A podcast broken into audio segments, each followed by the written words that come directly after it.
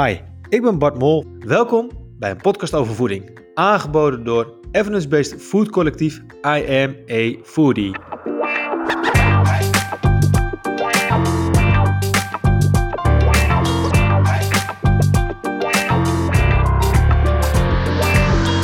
Uh, nou, ik vind het eigenlijk heel erg spannend, uh, Jaap, dat wij zo uh, met elkaar zitten vandaag. Het voelt toch een beetje dat ik met de Messi van de voedingswetenschap aan het praten ben. Ja, ja, volledig overbetaalde speler. ja, nou, um, nee, welkom bij de show. Dit is een podcast over voeding. welkom bij alle nieuwe luisteraars. en ik een speciaal welkom bij, voor Sandy 1.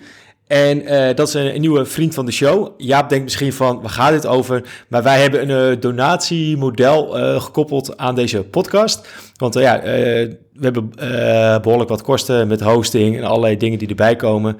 Ja, en voor niets gaat de zon op. Dus we vragen de luisteraar eigenlijk van, nou, mocht je dit een leuke podcast vinden, kunnen ze een donatie doen bij vriendvandeshow.nl slash POV. Nou, en zo zijn er uh, ja, steeds meer fans die allemaal een donatie doen. Zoals je misschien ook weet, is IJmer voor die onafhankelijk van de voedingsindustrie. dus op deze manier kunnen we het toch mogelijk maken. Dus dat is eigenlijk even de reden. Maar ja, welkom Jaap. Dat, ehm, ik zou je graag willen in, in introduceren met een aantal soundbites. je bent hoogleraar voeding en gezondheid aan de Vrije Universiteit in Amsterdam. Je bent een deskundige op het gebied van ja, voeding en gezondheid natuurlijk, maar met name ook dat je adviseur bent eh, bij onder andere de WHO, ministerie van VWS, commissielid van de Gezondheidsraad. Je hebt ook een vaste column, volgens mij was het het Parool. Ja. Uh, diverse boeken geschreven. ja, dus... en dat is niet mijn eigenlijke werk. Hè? Mijn eigenlijke werk is natuurlijk onderwijs geven aan gezondheidswetenschappers en begeleiden van promovendi en het doen van onderzoek. Maar dat, is, uh, ja, eh, dat doe ik met heel veel plezier. Dus dit is eigenlijk een beetje het vrijdagmiddagwerk, begrijp ik dat goed? Of het zaterdagochtend? Dat is de hobby die ik erbij heb, ja. Ja, nee, precies. Oké. Ja, nou, dus uh, heb ik nog iets uh, gemist? Of is dit eigenlijk uh, wat je zelf nog willen toelichten? Met, nee hoor, dat is, dat is, prima. Nou ja, wat, wat misschien wel goed is, is dat we voedingswetenschap steeds meer ook in verband zien met alle andere vraagstukken, zoals duurzaamheid, gezond, milieu, biodiversiteit.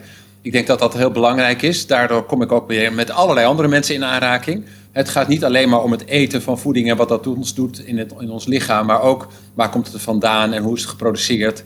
Want uiteindelijk uh, moeten we daar een één systeem van maken.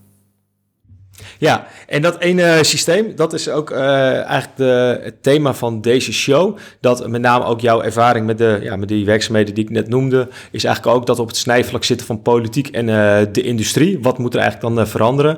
Dus ja, dat zal centraal staan in deze show. Voordat we beginnen, heb je nog een bepaalde voedingsfrustratie of teleurstelling van de afgelopen week die is opgevallen? Nou ja, de belangrijkste frustratie die is, die is eigenlijk de afgelopen jaren is Ehm, dat de discussies rondom voeding zo gepolariseerd zijn. het, het, zijn echt kampen, net, zoals dat met alle maatschappelijke problemen is. Uh, het geval is, namelijk uh, je hebt de veganisten, je hebt de mensen die, de, de low carb mensen, de, je kunt ze bijna indelen in een soort van bevolkingsgroepen en die hebben dan al een heleboel van die zeg maar contrasterende eigenschappen en die kunnen eigenlijk niet meer goed met elkaar converseren over wetenschap en over onderzoek en over voeding. Uh, dat zijn hele gevoelige onderwerpen geworden waar je, uh, ja, je wordt in een kamp ingedeeld al heel snel. En dat is een enorme frustrerende uh, aangelegenheid voor mensen zo, zoals ik, die eigenlijk meer de nuance en de dialoog zoeken. -hmm. En zie je dan een, een moment van jaren geleden, wanneer we die afslag hebben en hebben genomen, als je het vergelijkt met de jaren 60 of 70, dat toen dat eigenlijk is ontstaan, die verschillende groeperingen? Ja, er is een goed ding natuurlijk geweest, hè? de democratisering van, van de wetenschap, zal ik maar zeggen. Dat wil zeggen, vroeger was het natuurlijk zo, we hadden ook wel discussies op wetenschappelijke congressen onderling. En je had discussies in de wetenschappelijke tijdschriften, maar wetenschap is eigenlijk van iedereen geworden. Hè? Je kunt overal alles downloaden en kijken. En, dus die, die algemene kennis is heel duidelijk toegankelijk voor een hele grote groep. En uh, ja, die discussie is dus verbreed tot een maatschappelijke discussie. En dan krijg je heel vaak ook te maken met nou ja, allerlei politieke of levensbeschouwelijke invalshoeken die daar doorheen spelen. En dat is natuurlijk ook wel prima. dus het heeft heel veel gebracht, ook die, zeg maar, de, de, de open, openbaring van al de wetenschap naar, naar mensen toe. Maar het heeft ook een onderstroom van um, nou ja, sceptici, mensen die zich afzetten tegen bepaalde richtlijnen, bepaalde uh, vormen van onderzoek. Uh, waardoor uh, de discussie wel heel snel ingewikkelder werd. Ja, en is er, is er misschien een kentering geweest met de ontwikkeling van internet? Ja, dat, misschien juist. Dat bedoel heeft... eigenlijk. Hè? Dus die democratisering komt natuurlijk doordat iedereen kan overal bij. Hè? Dus er, er, ja. je kunt ook heel gemakkelijk met elkaar converseren. Dat wil zeggen, Vroeger had je wel eens een clubje van, uh, zeg maar, uh, mensen die demonstreerden bij een congres of zo, maar dat was dan maar heel klein. En uh, nu kunnen mensen elkaar vinden, hè? dus ook via social media. En je ziet dat in het algemeen natuurlijk de, de toon en de discussievorm van social media, noem maar met name Twitter, die, is, ja, die is heel vaak scherp en nou ja, vaak ook onfatsoenlijk. En daarmee worden de voedingsdiscussies, hè, die uiteindelijk zouden moeten gaan over wat weten we wel en wat weten we niet en wat is nou verstandig om te doen, uh, die worden uh, op die manier ook gevoerd. En dat is wel heel lastig. Ja, ja, ja, dat kan ik me voorstellen. Ik heb eigenlijk alweer twintig andere vragen waarvan ik denk, daar moeten we misschien een nieuwe podcast voor opnemen inderdaad, van hoe zich dat heeft ontwikkeld tot waar het nu staat en wat jij er zelf uh, van vindt of ja. wat we eraan kunnen doen. Nou ja, maar het is wel een frustratie, daar vroeg je naar. Ja, nee, eh, precies. Oké, en even heel uh, concreet. Uh, als ik nu door de supermarkt loop, dan heb ik het idee dat er echt voor 80% aan ongezonde producten staat. Hoe ik kan het, het aanbod compleet anders zijn, zijn geworden door de jaren heen? Even als voorbeeld weer de jaren 70. Dat was een compleet andere supermarkt qua aanbod van producten. Hoe het zo, het zover kunnen komen tussen de jaren 70 en nu qua het aanbod? Nou ja, ons hele leven is, uh, dramatisch veranderd de afgelopen 70 jaar, zeg maar, hè, zo, ongeveer. Uh, we hebben wel eens een clipjes weer opgenomen van supermarkten uit de jaren 50. Nou ja, daar kon je eigenlijk, waren kleine kruideniers vaak, hè, de Gruiter en zo, en buurtwinkeltjes. Waar je eigenlijk voornamelijk basisproducten kon kopen. Hè. Je, je, je kocht een zak linzen en je kocht een pond grutten, hè, dat, dat soort dingen. En daar ging je dan zelf mee aan de slag. heel veel vrouwen waren natuurlijk huisvrouw en werkten uh, niet. En waren dus uh, ja, voor een groot deel bezig met het, met het huishouden en dus koken en nou ja, al dat soort dingen. daar, daar heeft een democratisering, dat is dus heel goed. Hè? Dus er is een voedingsmiddelenindustrie ontstaan die heel veel producten maakt die eigenlijk kant en klaar zijn, die weinig tijd vergen, die ook maken dat vrouwen nu massaal ook kunnen werken. Dat is een geweldige ontwikkeling. Maar daarmee maak je eigenlijk ook dat uh, de industrie eigenlijk nu in de keuken staat. Dat wil zeggen, die bepalen nu wat wij eten. Hè? Dus de, en de supermarkten natuurlijk, die daar de belangrijkste uh, bron van zijn. Hè? Want 70% tot 80% van wat wij in Nederland eten wordt in de supermarkt gekocht.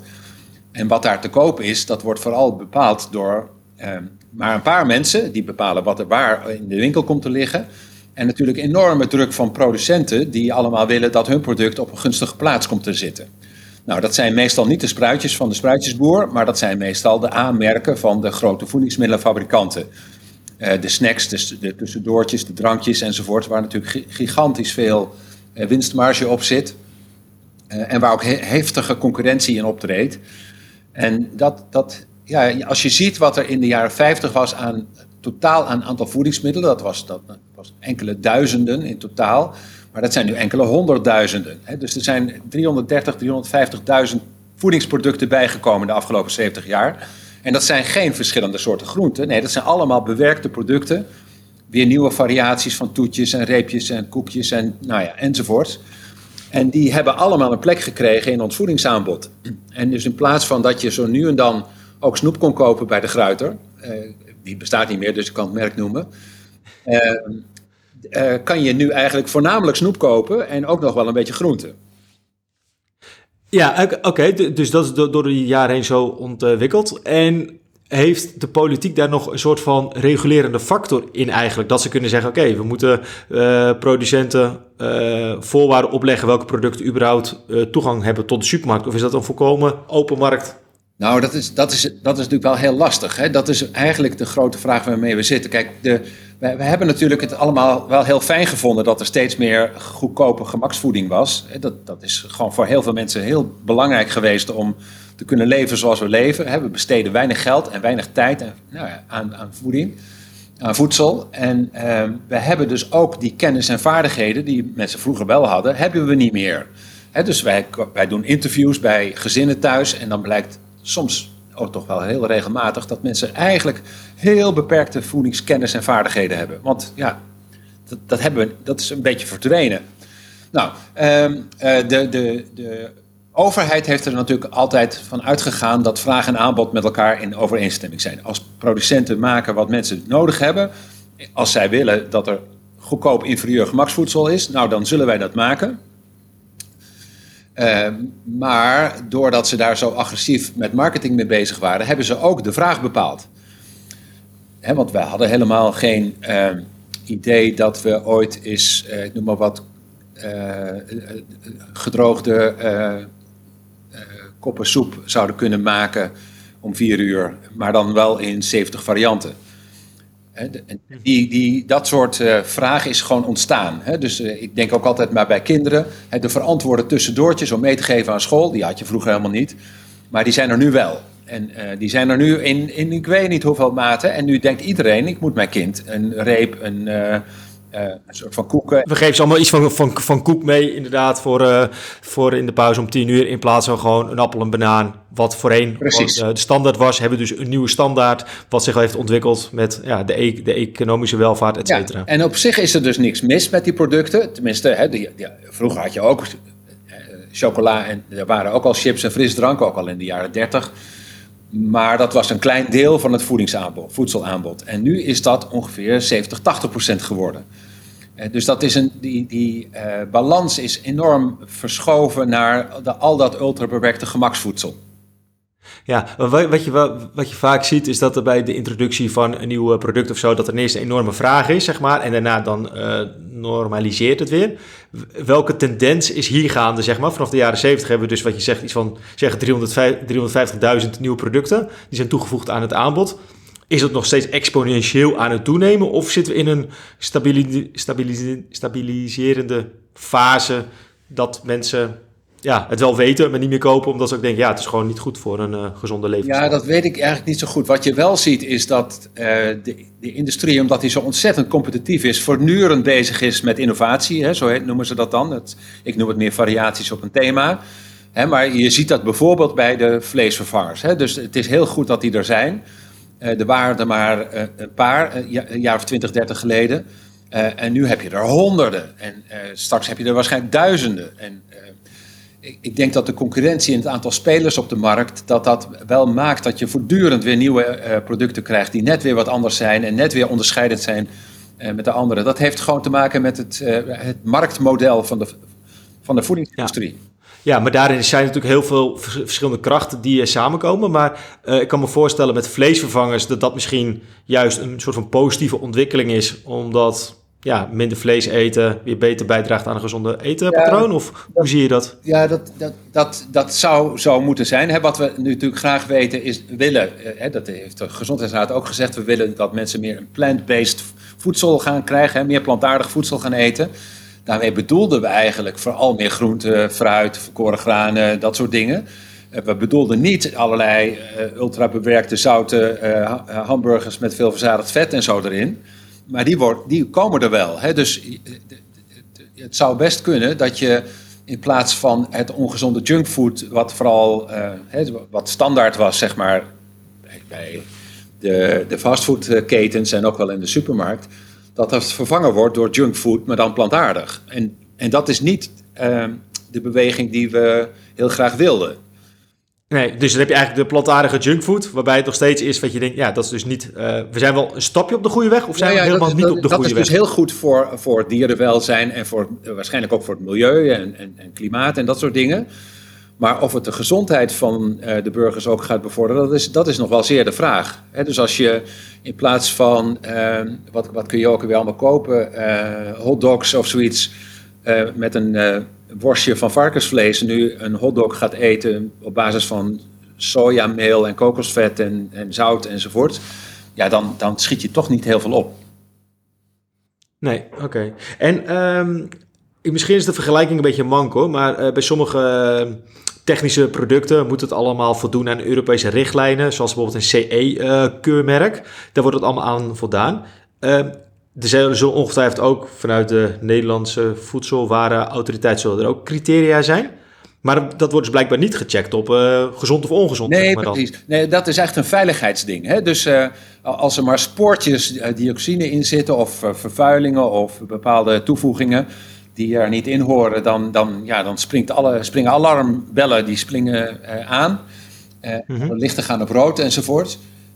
dan moet ook voedsel teruggehaald worden. Maar als er te veel suiker en zout en vet in zit, waar je veel meer gezondheidsschade van hebt, dan geldt dat niet bij de voedselveiligheid.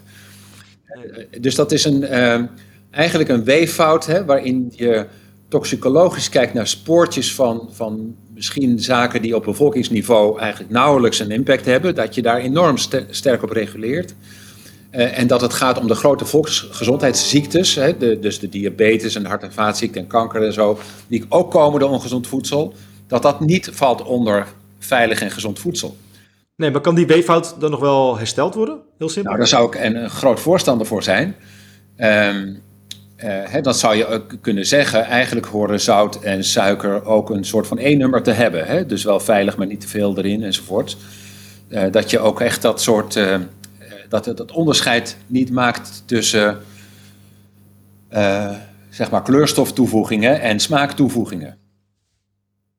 Oké, en kan dat? Of zijn er, is het de lobby zo sterk vanuit de voedingsindustrie richting de politiek dat zoiets echt never nooit gaat eh, gebeuren? Nou ja, ik, ik weet niet of het, eh, ook, het, het, het. zal wel voorlopig niet gaan gebeuren, denk ik. Maar uh, of dat nou door de lobby komt of door, door de ingewikkeldheid van de handhaving. Want dat is natuurlijk echt heel ingewikkeld om op een paar moment te zeggen: wij vinden eigenlijk uh, 80% van het aanbod in de supermarkt niet meer veilig. En dat, daar zetten we allemaal rode stickers op dat wordt best een ingewikkelde zaak, denk ik. Ik denk ook. uh, want dat is in feite zo. Hè? Dus ja. uh, we hebben dat wel eens uh, toen bedacht, dat met zo'n stoplichtensysteem. Nou, hoe zou de supermarkt eruit zien? Nou, dat er was een zee van rode stoplichten, zal ik maar zeggen, met ze nu en dan oranje en heel soms een groen lichtje erbij.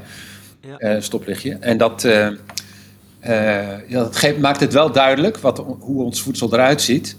Maar het is denk ik voor consumenten en voor producenten en supermarkten iets wat, wat heel moeilijk in de praktijk te brengen is. Maar heb je dat stoplichtsysteem vanuit een, uh, een projectgroep dan ontwikkeld en geadviseerd? Of hoe, hoe, wat kan je daar nou, er zijn verschillende, allerlei verschillende zaken geweest. Hè. Je had een, een, een, klavertje, je had een vinkje, je hebt nou een Nutri-score en zo. En ook die Nutri-score, daar, daar laat je natuurlijk in zien dat sommige producten minder dan meer gezond zijn. Um, maar dan kan het nog heel goed zijn dat producten die absoluut niet in de schijf van 5 staan, toch nog een hele mooie score hebben. En andersom. Hè? Dus dat olijfolie, omdat het veel vet bevat, een hele ongezonde score heeft. Dus het is toch een, uh, uh, een, een, nadeel van, van, van ja, waar we mee bezig zijn, is dat we voeding proberen te karakteriseren aan de, kant, aan de hand van zeg maar een paar kenmerken. En dat in een, en maar in een paar rubrieken kunnen stoppen. Het is wel of niet in de schijf van vijf, het is wel of niet gezond, het is wel of niet uh, dit of dat. Uh, en dat is meestal alleen maar op basis van maar één of twee ingrediënten. Hè, de hoeveelheid suiker, de hoeveelheid zout, de hoeveelheid verzadigd vet of wat dan ook. Uh, daar kun je allerlei dingen aan toevoegen, maar het blijven maar hele beperkte dimensies om naar voedsel te kijken. Um, ja, en, en uh, waarbij de verantwoordelijkheid nog steeds bij de consument ligt. Want ja, heb je ja, ja, een label of een sticker of een klavertje 4 op een product zitten, maar dan moet die consument nog steeds doorgronden. Waarom zit er een klavertje 4 op of welke sticker dan ook?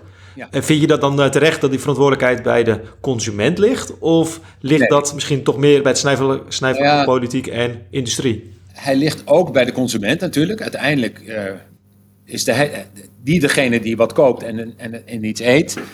Um, maar hij geldt ook wel vooral voor de, de, de aanbieders van voedsel. En dat, zowel de supermarkt als de, als de producenten. Ik heb zelf ook altijd gezegd, die, die, eh, nou, we hebben onderzoek gedaan ook naar dat vinkje en zo. En het blijkt dat eigenlijk de mensen die het nodig hebben, hè, de lager opgeleide mensen, de tieners, en de, die, ja, die kijken helemaal niet naar dat soort uh, uh, labels. Maar dat je bijvoorbeeld zou kunnen zeggen, gebruik die criteria nou bijvoorbeeld voor een schoolkantine. Hè, zeg nou gewoon dat er alleen maar schijf van vijf of alleen maar eh, groene stoplichten in de, in de kantine kunnen zijn. Dan hoeven die uh, scholieren niet allemaal na te denken en wel of niet op allerlei uh, kleurtjes te letten. Maar dan weten ze gewoon, alles wat ik koop hier is gewoon gezond. Ja. ja, dat doet me wel denken aan mijn eigen middelbare school nog. Dat uh, de eerste paar jaar was er geen fruiten, uh, frisdrankmachine en zo. En op het laatste jaar stond er inderdaad opeens drie machines naast elkaar van frisdranken, snoep, chips, et cetera. Dat ik me echt afvroeg van, huh, hoe? Nou, ik vond het op dat moment natuurlijk helemaal geweldig. Maar terugkijkend dat je denkt, hè, hoe dan? Waarom opeens? Ja, nou ja, dat heeft ook te maken met uh, dat, dat scholen deels afhankelijk zijn van, hè, die hebben altijd geldtekort. Uh, dat ze veel geld krijgen van uh, de leveranciers van frisdrankautomaten en ook wel van leveranciers van de kantines. Um, en dat ze weten ook dat die scholieren natuurlijk buiten de school van alles kopen, in de supermarkt of wat dan ook, in de winkeltjes om de school. Uh, de roze koeken, de, energie, de frikandelbroodjes, de energiedranken en dat, dat soort zaken. We hebben dat geturfd, wat, wat scholieren kopen. Nou, dat is 90% echt ongezond. Uh, en ja, dat, dat, die, winst wil je als school misschien ook wel hebben. Hè? En je wil ook liever dat de, de, kinderen op school blijven dan dat ze in de buurt gaan rondzwerven. dus dat maakt eigenlijk dat die schoolomgeving ook een hele ongezonde omgeving is geworden. juist ja, doordat er belangen zijn van de producenten en de eh, verkopers van dat soort voedsel. Ja, en um, even terug, terug naar de supermarkt. Ik heb ook wel eens dingen gelezen in de media dat er onderzoeken of voorstellen waren van waarom uh, verlagen we gewoon de B2 niet op de gezonde producten en de ongezonde producten, dat we die gewoon uh, heel veel verhogen met de B2, zodat daar in ieder geval al ja, gewoon een concreet verschil is. Ja, zou nou ja, een oplossing kunnen zijn? Of is dat te kort door de bocht? Zeker, zeker. Dus uh, prijsmaatregelen, uh, dat is een heel belangrijk sturingsmechanisme voor de politiek. Uh, dus een frisdranktax en dat soort zaken, dat zijn dingen die in heel veel landen al zijn ingevoerd. Dus dat zou makkelijk ook in Nederland kunnen. Hè. Dat, frisdrank is een simpel voorbeeld, want het levert geen voedingsstoffen en het is alleen maar suiker. En we weten dat het ook een dikmaker is en dat kinderen er ziek van worden en slechte tanden en zo. Dus dat, dat is een prima voorbeeld uh, waarmee je kunt gaan sturen op uh, uh, samenstelling en op consumptie. En dat zie je ook in de frisdranktax die in Engeland is geëvalueerd. Daar zie je dat de producenten minder suiker in de producten stoppen, dat de consumenten minder suiker gebruiken en dat de overheid meer geld binnenkrijgt door al die revenue en die taxen en, en, en daardoor weer allerlei gezondheidsinitiatieven kan financieren. Dus daar zijn niet zo heel veel uh, tegenargumenten tegen. Maar het kan ook nog veel simpeler. Hè? Dus uh, je ziet, uh, dat hebben we samen met een bureau Question Mark bekeken. En daar is ook een rapport van vorig jaar verschenen. Dat 80% van alle aanbiedingen, waar er heel veel mensen, met name als je een laag inkomen hebt, uh, hun keuze op baseren, dat dat ook de ongezonde producten zijn. Dat zijn allemaal producten buiten de schijn van vijf, vaak in, in jumbo-verpakkingen, dus grote zakken chips, hele grote flessen frisdrank enzovoorts. Uh, dat, is, dat zijn de standaard uh, aanbiedingen.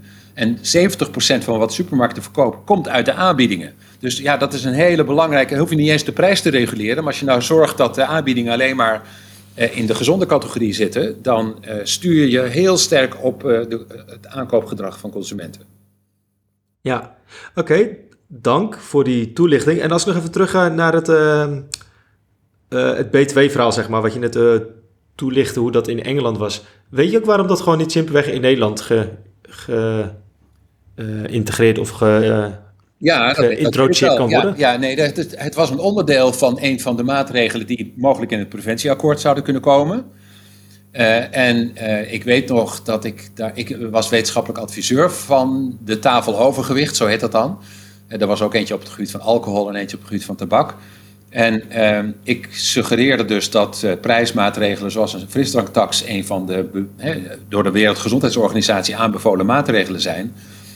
En ja, heel snel daarna werd door de, door de lobby van de, uh, de voedingsmiddelenindustrie gezegd van ja, maar als er een, een, een frisdranktax komt, dan doen wij niet meer mee. Dus daar, uh, uh, werd eh, stevig eh, druk uitgeoefend op de staatssecretaris om dat soort voorstellen niet in het preventieakkoord op te nemen. En, dat is, en daar is ook een, een WOP-procedure van geweest. Ik weet niet meer wie, Follow the Money geloof ik, heeft het uitgezocht. En dat blijkt dus ook dat er heel veel overleg is geweest en, en druk uitgeoefend door de voedingsmiddelenindustrie om dat soort maatregelen, prijsmaatregelen, beperking van marketing, beperking van aanbod en dat soort zaken, om die niet in het preventieakkoord op te nemen. Dat geeft uh, dus ook weer hoe lastig het is om uh, gezondheidsbeleid samen met belanghebbenden op te stellen.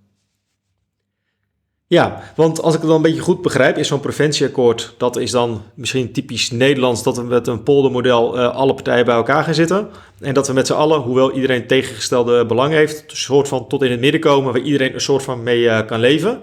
Waarbij dus de voedingsindustrie, of uh, even gechargeerd gezegd van nou, hiermee kunnen we niet leven, we stappen dan eruit. Maar daarmee hebben ze dus nog veel meer macht eigenlijk dan toch? Ja, nou ja, de, kijk, met dat dreigen met opstappen eh, bij een akkoord, dat, dat is natuurlijk wat alle partijen wel eens doen. Hè? Dus er zijn ook partijen die gezegd hebben, als het niet ver genoeg gaat, stappen wij eruit. Hè? Dus het wordt, dat, dat spel wordt op alle manieren uh, natuurlijk op die manier gespeeld. Um, en wat uh, het regeerakkoord zei, is dat er moet een akkoord komen. Een akkoord sluit je niet alleen maar met partijen die het al met elkaar eens zijn, maar sluit je ook met de partijen die het moeten uitvoeren.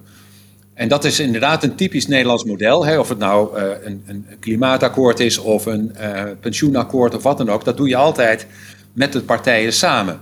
En dat is wat uh, staatssecretaris Blokhuis eigenlijk ook al zei. Ja, het gaat waarschijnlijk niet zo ver als we eigenlijk zouden willen. Maar het is wel een akkoord. Hè? Anders was het een, een preventiedictaat geworden.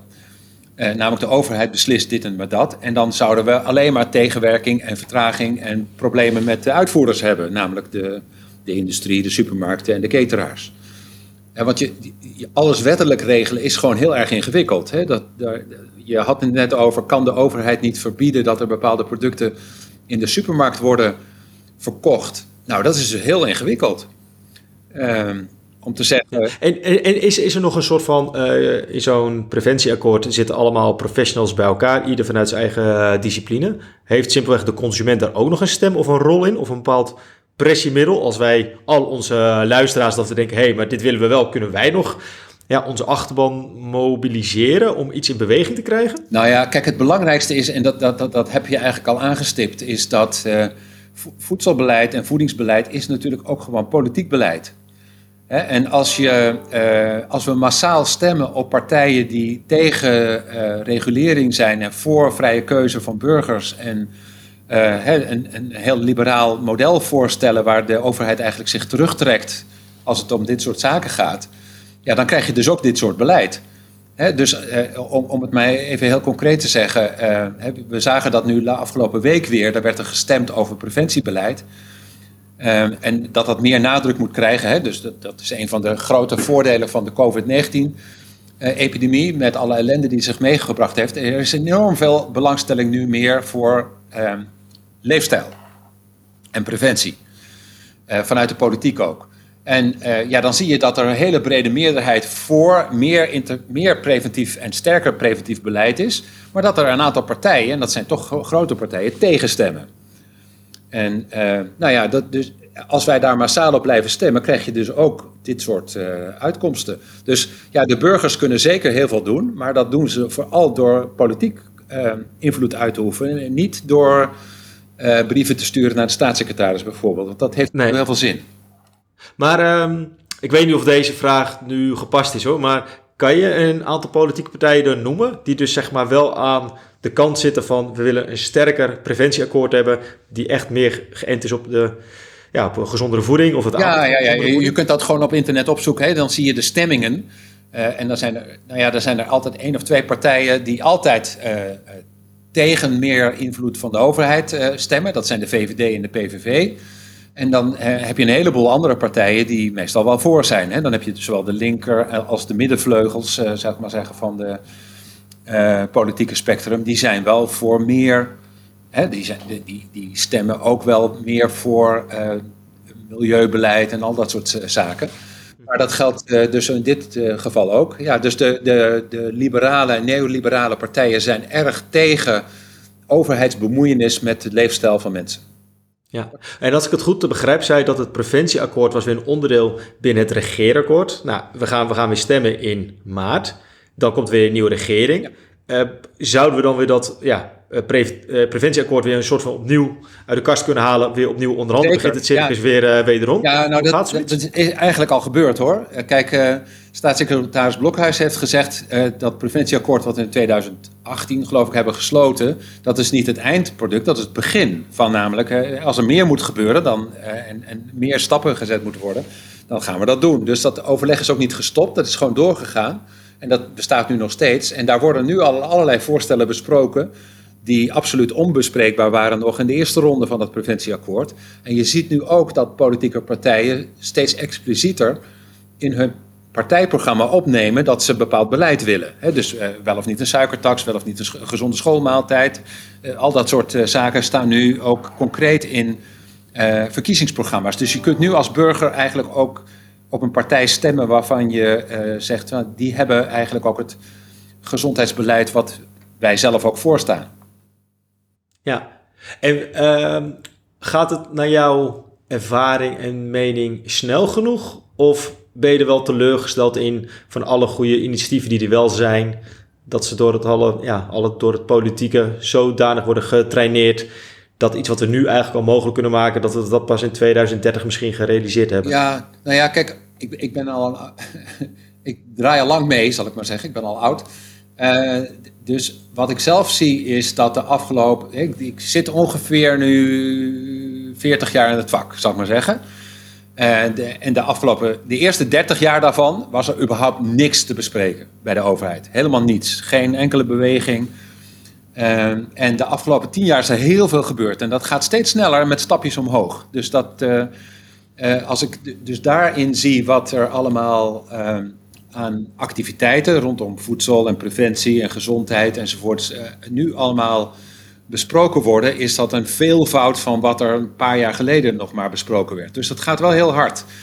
Uh, het gaat niet hard genoeg, wat mij betreft, maar het, het, gaat absoluut wel de goede kant op. En ik denk ook wel dat, er, dat, dat we toegaan naar een soort van transitie van het denken over wat moet de overheid wel en niet doen. Dat het nog, toen ik begon met bijvoorbeeld, dat was in 2003, weet ik nog wel over een verbod op kindermarketing. Ja, dat vond echt iedereen een heel raar idee.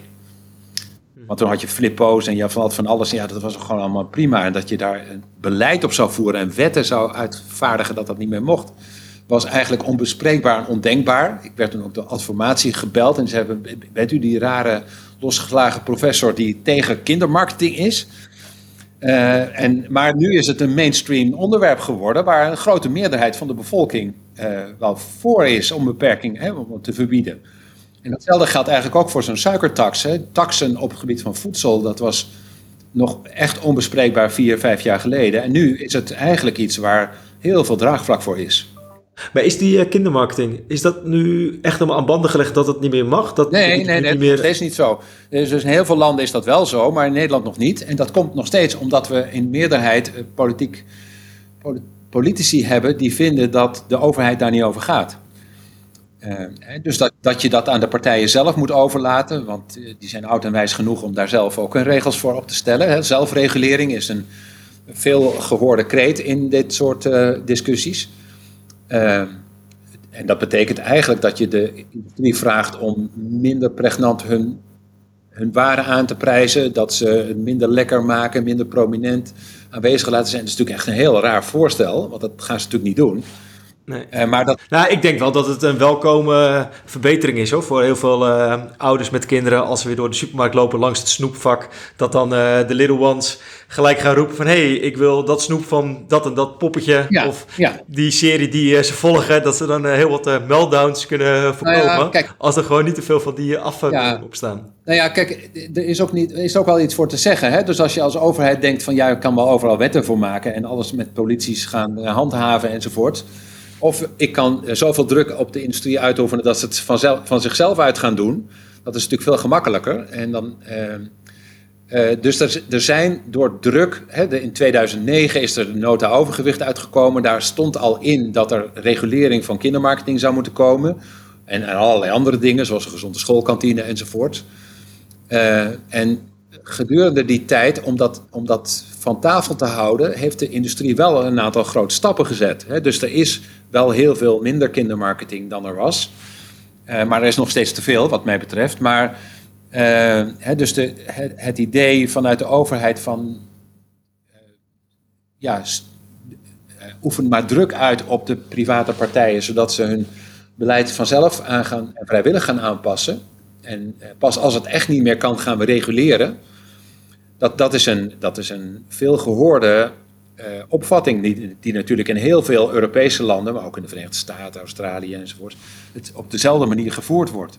Ja. En zijn bijvoorbeeld de initiatieven met een gezonde schoolkantine, maar ook dat er dan uh, fruit of groente wordt gegeven gedurende de dag aan de basisschoolkinderen of de middelbare school.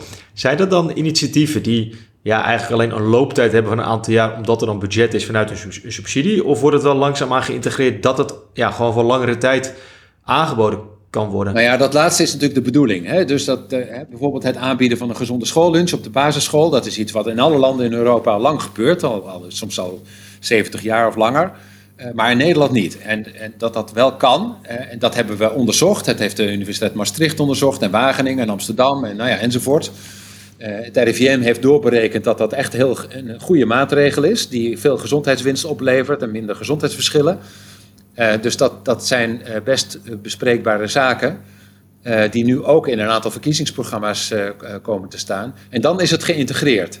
Hè, maar als je het moet hebben van zoiets als schoolgruiten, heet dat geloof ik, hè, dat is een EU-gefinancierde activiteit, die elke keer weer met zoveel jaar wordt verlengd, of soms maar een jaar. En dan, dan stopt het weer en dan stopt ook het aanbieden van, van groente en fruit op school weer. Dus dat, dat extern gefinancierd zijn van, uh, op korte termijn van allerlei programma's, dat levert natuurlijk geen integratie op van gezondheidsbeleid. Nee. En dat zou eigenlijk wel moeten. Hè? Dus uiteindelijk is het zo dat ja, je eigenlijk. Je, je ziet ook een beetje hoe we in bepaalde valkuilen zijn getrapt. Hè? Dus aan de ene kant zie je een hele logische ontwikkeling.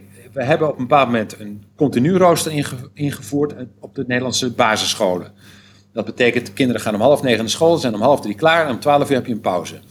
Dat is overal zo, dat is ingevoerd zonder er echt goed bij na te denken volgens mij, wat dat voor gevolgen zou kunnen hebben. Uh, en het gevolg onder andere is dat kinderen om half drie naar, naar huis moeten, maar er is niemand thuis en dan moet er dus na schoolse opvang uh, komen wat weer betaald en georganiseerd moet worden. En het gevolg is dat er om 12 uur een, een hele korte pauze is van maximaal een half uur. Waarbij uh, zowel de kinderen hun jasjes aan moeten, naar buiten moeten spelen, uh, weer terug, edu wat educatiefs moeten doen en moeten eten. Dus we hebben daar met een stopwatch bij gestaan. En dat betekent dat kinderen dus 8 à 10 minuten hebben om te eten tussen de middag. Nou, dan kan je niet met een drie gangen maaltijd met groente, fruit, of, rauwkost en, en fruit na en zo gaan beginnen. Dat kan natuurlijk helemaal niet.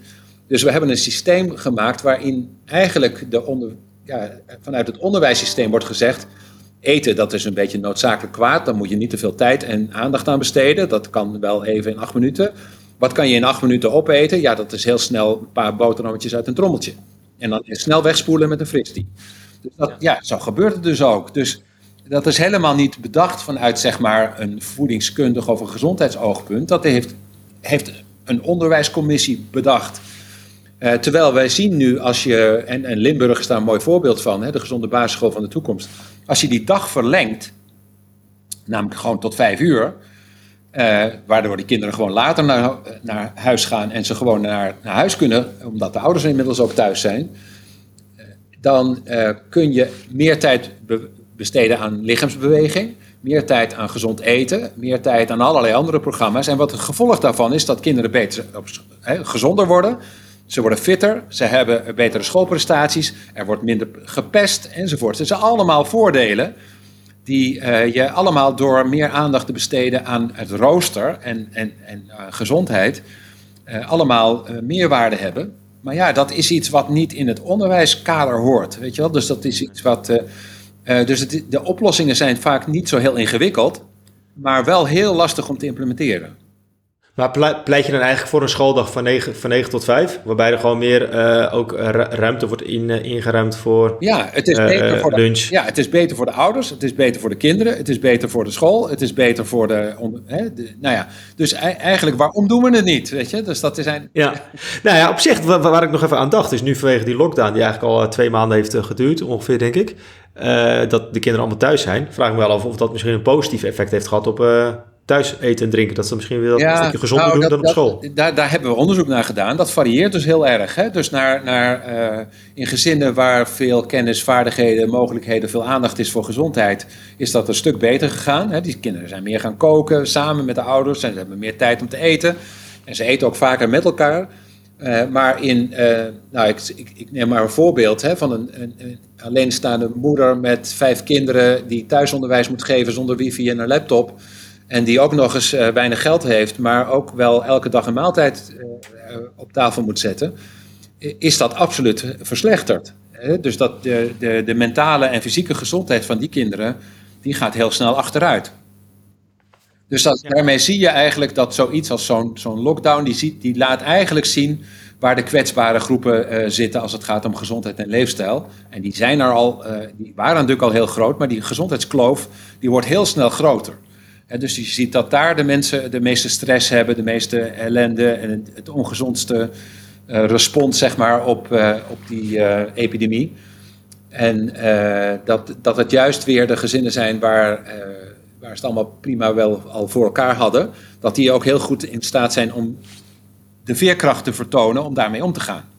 Ja, ja, want uh, in principe kan je ook wel spreken met overgewicht en obesitas, dat dat ook, ook steeds meer een epidemie, epidemie wordt of is? Of... Ja, een pandemie, hè, dat, eh, daar was al sprake van. Hè. Er, is ook een artikel in de Lancet verschenen, dat ging over de syndemie. Dat was, een, dat was al in 2019 of 18, dus dat was voor de COVID.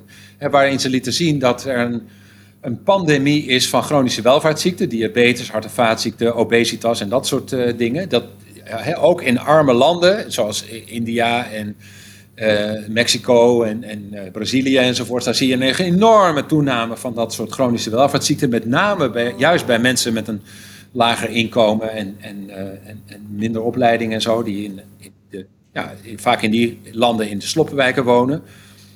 en ook meer infectieziekten. Hè? Dus je hebt verschillende pandemieën tegelijkertijd.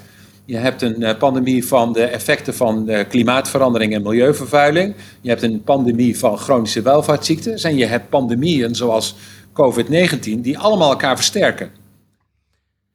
Ja, als je het zo samenvat, dan uh, klinkt het wel heel, heel onheilspellend. Oh ja, nee, maar zo bedoel ik het niet. Maar uh, kijk, het begint al met het, het zien dat die dingen met elkaar samenhangen. Dat betekent in feite ook dat je niet apart klimaatbeleid, een apart milieubeleid, een apart armoedebeleid, en apart gezondheidsbeleid en apart ondervoedingsbeleid moet hebben. Dat je één beleid moet hebben wat zich richt op een gezonde omgeving voor iedereen.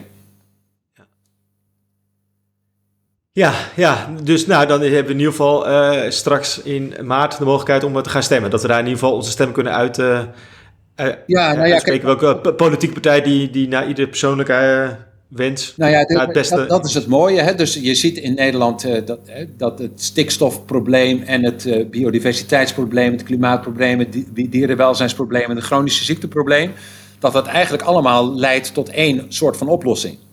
Namelijk een gezonder voedselsysteem. En dat is iets wat, uh, denk ik, nu steeds meer ook door ministers van Financiën, ministers van Landbouw, ministers van Volksgezondheid ook gezien wordt. We moeten eigenlijk gewoon daar een, één plan voor maken. Ja. Is... Maar sommige dingen die zijn natuurlijk allemaal op uh, nationaal niveau, hè? sommige dingen weer op Europees niveau. Uh, je, je, bent ook uh, adviseur of in bepaalde adviesfuncties bij het WHO.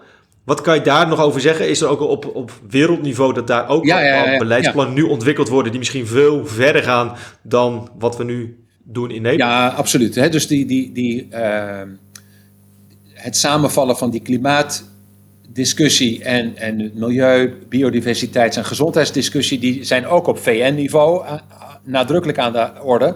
Maar ook, en dat vergat je nog te noemen bij de opsomming, ook het lokale niveau. We zien zelfs dat je dat op buurtniveau in grote steden in Nederland, of op, op uh, stedelijk niveau in meer plattelandsgebieden, dat je dat gewoon goed kunt integreren. Hè? Dus het, het, moet natuurlijk allemaal bij elkaar passen. Hè? Dat is het lokale, het landelijke, het Europese en het internationale beleid.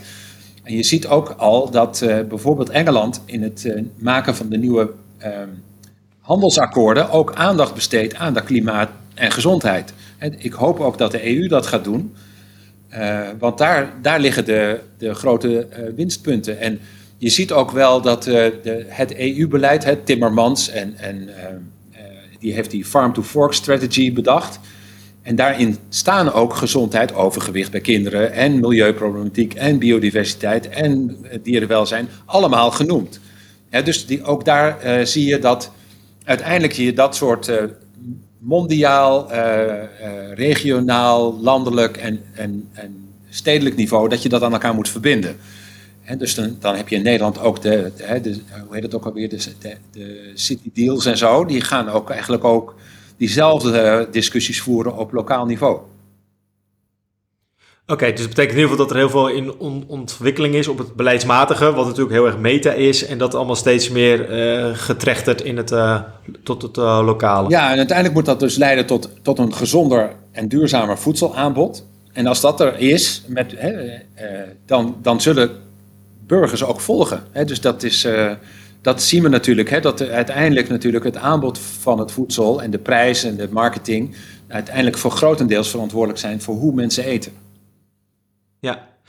Ja, we zijn al uh, bijna een drie kwartier bezig. Ik vind het hartstikke interessant. Ik zou nog uren met je door kunnen praten over verschillende dingen. Ik wil eigenlijk een beetje richting het einde van de, ja. van de, de, show gaan. En wellicht krijgen we een aanleiding van deze show nog heel veel vervolgvragen. Dus ik sluit zeker niet uit dat ik je nog een keer uh, ga vragen als gast voor uh, de podcast. Maar kan je misschien nog in kort nog even je grootste succes aangeven waar je aan het bij je gedragen? Ja, uh, ik denk dat uh, de, het grootste succes was in, uh, in 2003. Toen is de Global Strategy on Diet and Physical Activity uitgekomen. Ik zat in de, de Wereldgezondheidsraad commissie die daar dat rapport heeft geschreven wat daaronder ligt. dat was heel intensief, dat duurde een paar jaar, lange periodes van, van maandenlang in Genève, dag en nacht schrijven, werken, achtergrondsrapporten verzamelen, doorploegen enzovoort. En dat heeft eigenlijk wel heel veel uh, effect gehad. Dus die Global Strategy is nog steeds actief. Um, uh, de, de, issues die we daarin aangekaart hebben zijn nu heel nadrukkelijk ook uh, discussies die we landelijk voeren. Dus dat is een grote winst. Dus ik denk dat daar, um, dat was voor de WHO wel een turning point. Het was ook samen met de FAO geschreven, dus dat zijn grote organisaties die, die zijn dan ondertekend en ook geratificeerd door alle lidstaten van de VN. Hè, dus dat maakt dat het heel veel e-, effect heeft. Dus alle ministers van Volksgezondheid hebben gezegd: ja, wij gaan hiermee aan de slag. Uh, en ook de EU heeft dat uh, gezegd. Dus dat, ik denk dat dat de, een van de activiteiten is waar ik aan meegedaan heb, die het meeste impact hebben gehad. Ja. En wat, wat kan ik daarvan terugzien als consument? Dat, wat jij er toen aan hebt bijgedragen? Is dan een concreet voorbeeld een project of is er iets gebeurd in de, wat nu niet meer in de winkels ligt, wat daarvoor nog wel mogelijk was? Nou ja, het, het sluiten van een, een preventieakkoord eigenlijk en het, en, het, en het Europese beleid op het gebied van uh, uh, gezondheid is voor een groot gedeelte daar, daar het gevolg van.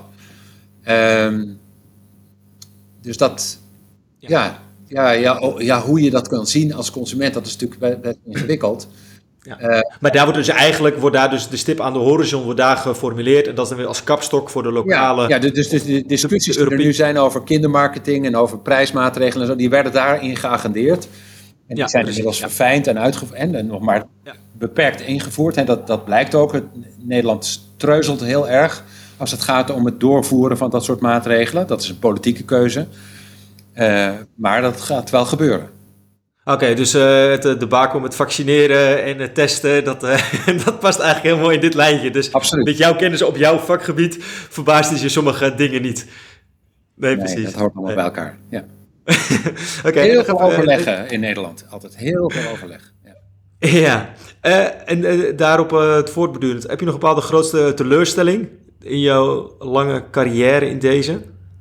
Dat je denkt, oh ja, dat is wel echt heel jammer dat, dat, dat je dat niet voor elkaar hebt. Ja, ja nee, dat, is, eh, dat zijn er heel veel hoor. Want uh, nou ja, wat mijn grootste teleurstelling is de, het, de nota overgewicht in 2009. daar staan echt heel verstandige dingen in, die ook door de Tweede Kamer zijn geaccepteerd, door nou ja, brede commissies enzovoort zijn samengesteld.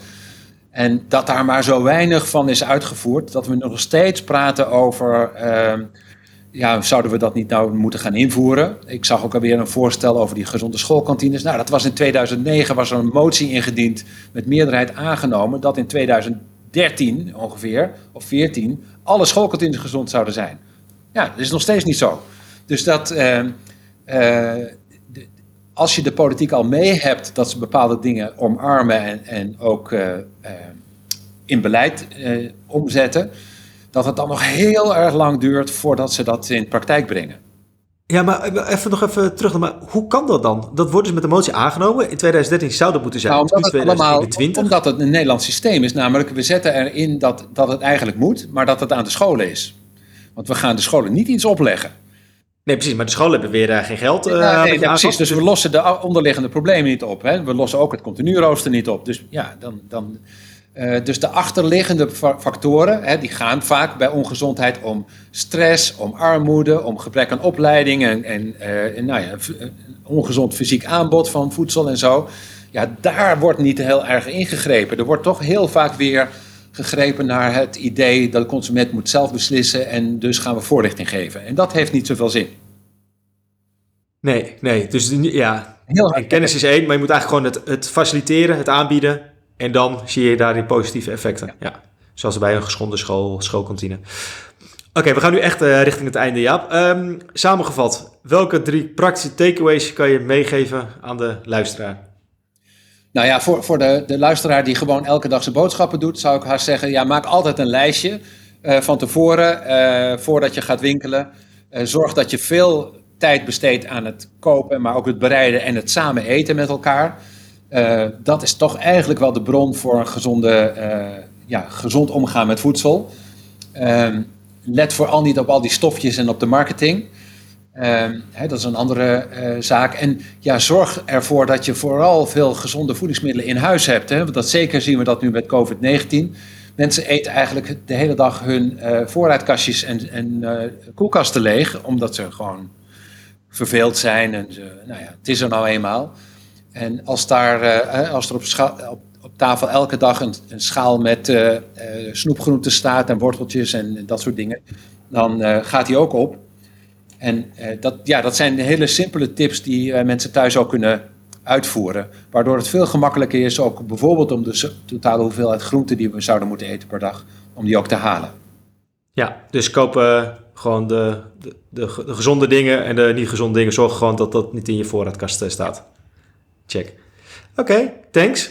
En allerlaatste vraag. Heb je nog tips voor volgende gasten die we zouden kunnen vragen voor de show? Ja, ik heb erover nagedacht. Ik, er zijn een aantal mensen uh, die up and coming zijn, zal ik maar zeggen, hè, die, in, in Nederland, wat mij betreft. dat is bijvoorbeeld Maartje Poelman, die aan de Wageningen Universiteit werkt, of Wilma Waterlander, die in het Amsterdam UMC werkt, bij, in het AMC.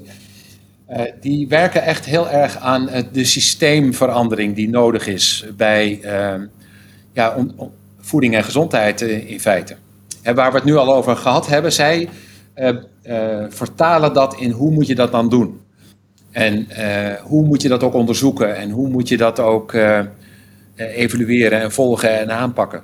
En dat zijn denk ik, Jeroen Kandel is ook een voorbeeld van iemand uit Wageningen die heel veel schrijft over voedselbeleid. En ook vooral kijkt naar ja, hoe moeten we het wel doen en wat doen we eigenlijk verkeerd. Oké, dank. Nou, ik ga ze uh, googlen. En uh, nou, nou, wellicht kunnen ze dan binnenkort in de show verwelkomen. Ter afsluiting is nog altijd nog even dat we onze spullen onder de aandacht brengen. Heb je nog boeken die je wil promoten, Jaap? Of andere dingen? Of heb je nog respondenten nodig voor een onderzoek waar je mee bezig bent? Nou, niet echt. Ik ben, wel, ik ben samen met een collega, Jutke Halberstad, bezig met het afronden van een nieuw boek. Dat heet Andere Kost. En dat, gaat, eh, dat is eigenlijk een pleidooi voor een ander voedselsysteem. Hè, dat we die dingen in samenhang bekijken en ook uh, oplossen. Uh, maar dat, dat, de, ja, dat komt in de loop van het voorjaar, denk ik, uit. Maar ehm, ja, kijk er naar uit, zou ik zeggen. En als het er is, ja. Is er al iets van een inschrijflijst of zo? Ja, je kan het al bestellen, show notes, je kan het al bestellen op bol.com, zag ik. En ook op de website van Atlas Contact, dat is de uitgever, die kun je dat al volgens mij aanvinken. Oké, oké. Dus de release datum is er al. Dat wist jij ook al? Of was het ook een openbaring dat je dacht, shit, het, uh, mensen kunnen het al in de pre-order kopen? We moeten nu al wel heel hard aan de slag om het af te maken, ja. Ja, nou, dat is een mooie cue om het af te ronden. Ja, zelf ehm, wil ik je in ieder geval uiteraard bedanken voor deze aflevering. Ehm, ja, voor alle informatie. Ehm, ik heb het al even bij de intro gezet. Uh, mocht je dit een leuke show vinden... Uh, kan je een donatie doen via vriendvandeshow.nl slash POV. Uh, en uiteraard op imafoodie.nl hebben we ook uh, tal van boeken geschreven. die kent Jaap, ja, ja, ja, denk ik, ik ook. Ik ben een groot fan van iMafoodie. Je bent groot? Ja. Nou, misschien moet ook maar samen een keer een boek schrijven, Jaap. Als dat kan. Of als je tijd hebt misschien, naar, nadat je volgende boek. Nou, dank voor het luisteren en fijne dag. Hoi hoi.